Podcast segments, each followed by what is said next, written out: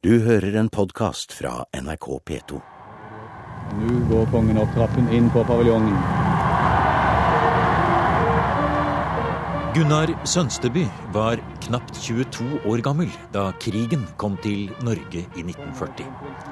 Fem år senere sto han som Norges største krigshelt midt i det jublende folkehavet på Rådhuskaia, i kapteinsuniform, alvorlig og fullt bevæpnet. Hans oppdrag var å sørge for kongefamiliens sikkerhet. Ved at jeg ble sjef for eskorten for kongefamilien etter krigen, da politiet var jo ikke skikkelig organisert, og alle ledere i politiet var jo nazister, så politimesteren i Oslo han henvendte seg til meg og spurte om jeg kunne ta ansvaret for kongefamilien. Vi hadde jo lagt opp slik at uh, vi delte på det, så jeg satt jo Max Manus i bilen til kronprinsen. Og selv lå jeg foran og førte kolonnen gjennom Oslo. Det var jo 10 000 tyskere når kronprinsen kom første gangen 13. mai med halve regjeringsdelegasjonen. Så var det jo 10 000 tyskere, og de hadde jo fremdeles våpen. Så for meg så var det i høyeste grad et sikkerhetsansvar som var ganske ille. Og det var jo faktisk like ille når kongen kom. Og jeg satte meg i bilen til Olav, altså kronprins Olav, som også da var øverstkommanderende i Norge, og sammen med barna. Og det var i høyeste grad Selv da kunne det vært noen idioter av noen tyskere som hadde tenkt at nå skal vi jaggu ta hevn. Så det var for oss så Vi tok det ikke som Det var ikke noen æresoppdrag som det var gitt oss, men det var rett og slett at vi var de som Vi hadde jo kjempet i Oslo i tre år i ett sett, så vi måtte vel være de som kunne greie det best. Det er Gunnar Sønsteby som forteller om sitt liv som motstandsmann i dette minneprogrammet fra museum. Intervjuet ble tatt opp i desember 2003, og noe av innholdet er sendt tidligere. Vi gikk rundt inne på Akershus festning da opptaket ble gjort. På vei bort mot det eksakte sted Vidkun Quisling ble henrettet. For det var ikke bare kongefamiliens sikkerhet Sønsteby fikk ansvaret for i 1945. Senere så kom jo dette med Quisling, og så fikk jeg faktisk også ansvaret for Quislings liv. Og så skulle jo han da ha en rettssak, større rettssak, borti losjen, som er like utenfor her. Så fant jeg ut at han kunne ikke sitte på nummer 19, som var hovedpolitistasjonen, hvor det var da celler i bakgården. Det var jo Oslo kretsfengsel. Så fikk jeg tak i Svartemaja, og så hentet jeg ham der. Og så med to-tre mann. Og så tok vi ham hit ned. Og så førte vi ham inn i tårnet her, og så opp på toppen. Ja, kan, kan du si noe om hvor, hvordan han reagerte på det? Sa han noe her når han ble tatt inn i et sånt fangetårn som dette? Det er klart han reagerte, og ja. han uh, fomlet, ville ha med seg flere ulltepper, for det blir sikkert kaldt når man er i et ja. fengsel. Uh, så uh, jeg, jeg syns nesten litt synd på han. nå var han alene, ikke sant? Ikke sant? Nå kastet alle seg over denne mannen. Mm. Så han, Hadde han håndjern da? Var Det? Nei, nei, langt ifra. Nei. Det. Ikke på noen måte. Han hadde dress, og, og, så faktisk så fikk han med, pass på at han fikk med seg en to-tre ulltepper. Mm. Og så gikk han inn i Svartemaia, og så var jeg sammen med min venn Halvor Riverud, som nettopp hadde kommet hjem fra konsentrasjonsleirene, de verste i Tyskland. Mauthausen og disse. Og så sa jeg nå kan du sette deg inn sammen med Quisling, så kan du fortelle ham litt om konsentrasjonsleirene. Men han sa etterpå det ble ikke vi, Det var ikke mange stavelsens ord som vi vekslet sånn. Det var, det var vanskelig, sa Riverud. Og så kom vi hit ned, så fikk han med seg ullteppene, som var nokså viktig. Og så satt han her da under rettssaken, ble kjørt frem og tilbake denne korte veien her, hvor det var vakt på festningen og rett rundt. Det var en fin måte å unngå at han kunne bli Det var jo folk som var gale nok til å forsøke å skyte ham. Det er klart, Hvis han hadde blitt skutt før vi hadde fått rettssak, så hadde det vært veldig uheldig. For da hadde ingen ville tro at ikke det var gjort av myndighetene på en eller annen måte. Så det var veldig viktig. Men som vi vet, så ble jo selvfølgelig da Quisling skutt, og nettopp i På Akershus. Ja, i, i nærheten av her vi står nå. Ja, 24. oktober ja. 1945. Det er vel, det er vel slik at selve, selve den eh, utførelsen av den dødsdommen der, den har vel også vært, og er vel fortsatt, eh, begitt med en viss hemmeligholdelse, Sønsteby? Ja, ikke så meget. Det var jo en eh, for så vidt så enkelt at det var jo en ekskursjonspelotong, ikke sant. Det var vel Skulle tro det var fra svenske politi, som ville være naturlig. Så det er ikke noe mer hemmelig, men hvor det ble gjort, det er Man, man har jo ikke lagt, laget noe der, slik at man inviterer jo ikke alle mulige til å komme dit. Det er klart. Men det kan fortelles litt om tårnet, for Ja. her denne Vi kan gå bort til døra der, for det at vi, det, er, vi er jo inne i en middelalderfestning, og det, det ser man jo tydelig her. og det er en stor jernslå foran døren der også. Var det sånn det var også når du tok Quisling ut og inn der? Ja, ja, det, Det er samme døren. hele. Jeg Så går det en si trapp der inne i Ja, tårnet også. som man, en, rund, rund, En rund trapp. rund trapp som går opp. Og eh, like før eh, krigsslutningen så fant man jo faktisk fem mann som satt på det stedet som nå hadde vi gjort i stand til Quisling. Og de, det var jo fra Pelle-gjengen. Solli. Eh, Ragnar Solli, som jeg hadde litt kontakt med. En fremragende sabotasjegjeng. Og de var da tatt, og de hadde faktisk, utrolig nok, så greide de å rømme her oppe, men ble tatt igjen. Og så dagen efter så leste de i avisen at eh, de, de fire-fem var skutt. Det var de ikke. Og når eh, man kom her eh, da etter krig, så fant man jo at de fire døde var i, i live. Er det sånn at eh, disse bildene som du så levende forteller om her, og som du fører Quisling inn her osv., er det slik at når du står her og ser det nå, så, så husker du det veldig godt? At du ser det for deg at det er på en måte så sterke opplevelser at du ser det lett for deg? Jeg tror ikke det har noe helt med det å gjøre, men jeg har jo faktisk fra 58 og frem til nå, altså 58 til nå, det har gått en tid, så har jeg jo holdt foredrag om alt dette, og jeg har eh, Det sitter alt sammen. Og når jeg eh, kommer foran en publikum, så jeg kan jo ikke bruke manuskript. Det vil jo ikke gå.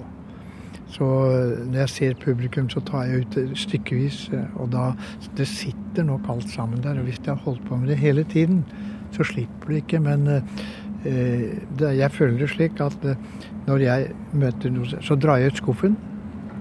Når jeg er ferdig med det, så skyver jeg inn skuffen, så er det borte. Alt sammen. Så jeg, det er ikke noe som forfølger meg. Aldri noe som har forfulgt meg. I dette minneprogrammet om Gunnar Sønsteby henter museum fram et intervju som ble laget i forbindelse med at historieprofessor Tore Pryser ga ut boken 'Hitlers hemmelige agenter'. Boken handler om nordmenn som vervet seg til hemmelig tjeneste i Norge for tyskerne under annen verdenskrig. Sønsteby fulgte som kjent meget godt med i all ny forskning og litteratur om krigen, og var opptatt av åpenhet, dokumentasjon og en løpende samfunnsdebatt om hvordan krigshistorien skal forstås og brukes. Dette var i 2003, og jeg spurte ham om han syntes det ble for mye snakk om krigen. Nei, jeg tror det er utrolig mye stoff som ikke er bearbeidet. Og hvis eh, Vi sitter jo her akkurat og ser på boken til Tore Pryser, og den syns jeg er eventyrlig interessant. For der ser man når nordmenn var på den gærne siden, hva, hva, hvordan Hvor mange var det? Og hva bedrev de? Og hvilken innflytelse hadde det på krigen?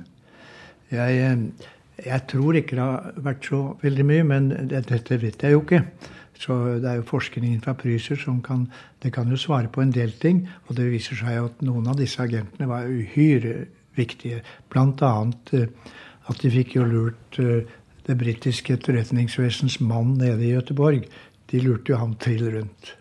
Eh, dette at eh, tyskerne på en systematisk og militær måte forsøkte å plante nordmenn inn i motstandsbevegelsen, var det noe dere var både klar over og kjente til, og dere arbeidet med Sønsteby, eller? Ja, det er klart. Det var jo Våre hovedmotstandere var jo rett og slett angiverne. Ja. Men, men, men vil du skille mellom angivere og, og, og rene agenter her? Ja, nei, Den viktigste og farligste delen var angiversiden. Ja. At vi fikk noen agenter inn. Det, det, eh, det er vel bare ett tilfelle vi har hvor de fikk en inn i SOE. Og det er da Gulbrandsen-saken. Det er vel det eneste jeg kjente til. F.eks. så kom det jo ingen vei. Jeg var også veldig skeptisk når vi fikk post fra Trondheim. Jeg var veldig redd for Rinnan. For vi visste jo, kjente jo Rinnan fra 42 i all hemmelighet i Stockholm. Det var der han ble oppdaget. Og der eh, ingen Rinnan-folk kom, fikk kom inn i motstandsbevegelsen. Hovedkvarter i hovedstasjonene i Oslo. Ingen greide å komme inn der. Men uh, på den annen side så hadde jo vi i statspoliti Det er jo veldig viktig at man tar de to. Uh, politiet i Norge, det er da statspoliti som gikk inn som var nazister, og som måtte virkelig vise for å komme inn i statspoliti. F.eks. Uh, fra en småby så måtte du ha vist deg innenfor NS-kontoret. Hva syns de om deg i de siste to årene? Du, du, måtte ha en lang fartstid der for å komme inn. Og der fikk jo vi inn, inn fra Notodden en politimann uh, som, hadde, som, jeg tok kontakt med og sa hvor lang fartstid trenger du i NS i Oslo, i, på Notodden for å komme inn i statspolitiet. Og det var et halvt år. Så søkte han å komme inn i statspolitiet, for NS-kontoret i Notodden sa at det er en bra mann. Han er altså nazist. Uh, så man kunne da få en tre-fire mann i statspolitiet. Så hvis de hadde hatt agenter andre veien, så hadde vi hatt veldig stor sjanse til å få huket de. Når du leste denne boken, ble du overrasket over hvordan det var organisert og over hele landet, og på hvilken systematisk måte dette skjedde i alle samfunnslag av den norske befolkningen? At de meldte seg til tjeneste på denne måten, eller kjente du til mye av dette? Nei, det er klart. I ethvert land så er halvannen prosent er forrædere. Det vil enhver nasjon. Jeg skremte jo vettet av amerikanerne jeg sa dere var 40 millioner her i, i før. Og ta halvannen prosent var stort sett foreldre. Og det skremmer vel dere i dag også, sa jeg. Så det er klart at dette vil man. Man vil finne enhver nasjon. Eh, noen mer ondsinnet enn andre, og noen smartere enn andre. Og det er jo det er i grunnen interessant. På norsk så heter det liksom etterretning. Det er liksom så bedrøvelig uttrykk. Men på engelsk intelligence. Der kommer det jo inn, og Apper er jo stort sett det samme. Da kommer man inn. Det er, det er kløktige hjerner som har vært borti dette. Blant annet eh, så vi var jeg ble i hvert fall eh, ved at jeg reiste som kurer mellom Stockholm og Sverige, og jeg reiste, jeg var i Stockholm fire ganger i året fast under hele krigen, så hørte jo jeg om alle de som reiste på åpen tillatelse for tyskerne. Så jeg var meget skeptisk på all, alle som fikk tillatelse av tyskerne til å reise bort. Og uh, i Stockholm så var det ofte slik at uh, nordmenn som, De oppsøkte da nordmenn som hadde reist over som eh, flyktninger, som satt inne med meget verdifullt stoff. Så ble de invitert til selskaper i Stockholm, og da kunne de plukke opp ganske mange rare ting som ikke var noe særlig vellykket. Og har, Jeg skal ikke nevne navn, men det var et par eh, Vi kan vel kanskje nevne ett navn som jeg merket meg fort. Det var En mann som heter Robson, som også Pryser har beskrevet ganske inngående. Og det er klart, han, han var jo meget farlig. Og vi, han dro jo ned til Gøteborg og hadde da med britene å gjøre, som vel si, vi kan vel si godtok ham. Men ellers, eh, når det gjelder svenske, svenskene sådan, så sier jo jeg i alle mine foredrag at uten Sverige nøytralt, så ville ikke vi kunne hatt noen motstandsbevegelse som den vi hadde. Jeg fikk veldig mye hjelp der borte. 50 000 flyktninger kom jo over til Sverige og ble godt mottatt. Jeg var en tid i Sverige da var jeg sterkt ettersøkt, så da hadde jeg ikke papirer. Så da bodde jeg litt eh, hos noen bekjente som jeg hadde skaffet på Søder i Göteborg, som var mer arbeiderstrøk. Jeg bodde også nei, Hissingen i Göteborg, og et sted eh, som heter Søder i Stockholm, som er mer eh, også vanlige folk. Og der ble jeg skjult, faktisk. Det var bare det å ta den risken. Den var jo veldig stor. Å huse en eh, nordmann som kommer uten papirer. Det, jeg hadde ikke problemer. Og senere, fra 42, slutten av 42, oppe på Skoglund, på den grensegården hvor jeg holdt til, tomta, som vi kalte det, der eh, etter hvert så skjønte jo jeg at Skoglund var eh, arbeidet litt for svenskene. Nokså naturlig etterretning. Og så spurte jeg han kan tror du at jeg kunne komme i kontakt med svenske etterretningen. For det er ikke noe vits å sende inn svenske spioner i Oslo hvis de har meg.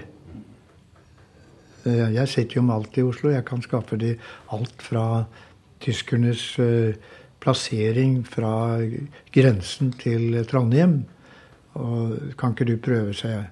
Jo, han eh, snakket da med disse tolderne på andre siden av grensen, og jeg skjønte jo at de er jo i efterretningen under en krig.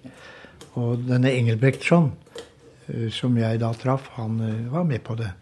Så reiste jeg senere alle de dag, de årlige skal si, hvert kvartal turene til Stockholm, så hentet de meg hos, eh, hos Engelbrektsson. Det var landsfiskalen nede på Charlottenberg.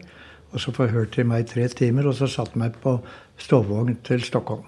Så da hadde jeg et, så alle de tre siste årene så hadde jeg en fantastisk Jeg kunne jo Jeg brukte jo fra Jeg brukte under 20 timer hemmelige ruter fra Oslo til Stockholm.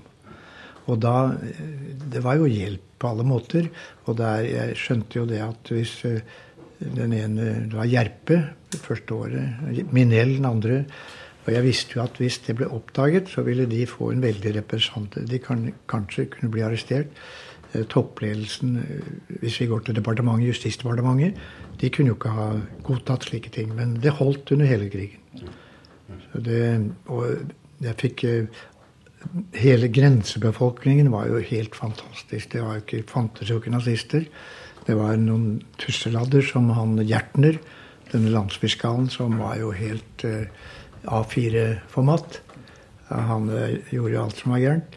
Men ellers så ble man veldig godt motsatt. Og eh, hvis man Høyere offiserer kunne nok være Men opp til kapteiner og hadde jeg kontakt med. Og de, også, på Ed så var det også en som hjalp meg eh, der nede, en kaptein. Og han fikk en del, han fikk en del karter fra Måløy før Måløy-raidet. Som, eh, som, han fikk av meg, som jeg også skulle ha med til England. Så alltid Så jeg hadde ikke ett dårlig tilfelle. Selvfølgelig, når jeg da ble tatt um, utenfor Karlstad uh, og ikke hadde billett, så røk det. Og da sa konduktøren uh, Han begynte å si er ni, ni norsk? Nei, jeg er svensk, sa jeg. Jeg trodde det var mitt forferdelige svensk. Og så sa han hvor bor ni? Jo, jeg bor i Arvika. Ja, hvilken gate? Og så tenkte jeg det må da i herrens navn være noe som heter Skolegatan. Så sa jeg jeg, jeg bor i Skolegatan. Da skjønte jeg at det var ikke noen skolegata i Arvika. Så ble jeg tatt av, av statspolisen og hadde forhør. Og det hele fikk jeg laget en ny, et ny personalia da, med identitet. Jeg var nå blitt uh, Gunnar Lier. Jeg var uh, Min far var verksmester oppe på Grefsen. Han hadde et verksted der oppe. Min mor het Magda, osv. osv. Og, og de tok min historie. Jeg kom opp i rådhusretten i Karlstad, alle har alle papirene, og ble frikjent under falskt navn. Det var litt trist. Jeg sto og sverget ved alle med at jeg het Gunnar Lier. Og så hadde jeg tatt, valgt det navnet fordi jeg tenkte som så Hvordan skal jeg få varslet britene at jeg er tatt? og, og nordmennene. Så fant jeg ut Lier. Det blir jo Liar på engelsk. Og britene oppdaget den spøken og hadde det skrekkelig morsomt med denne Liar som var tatt nedi.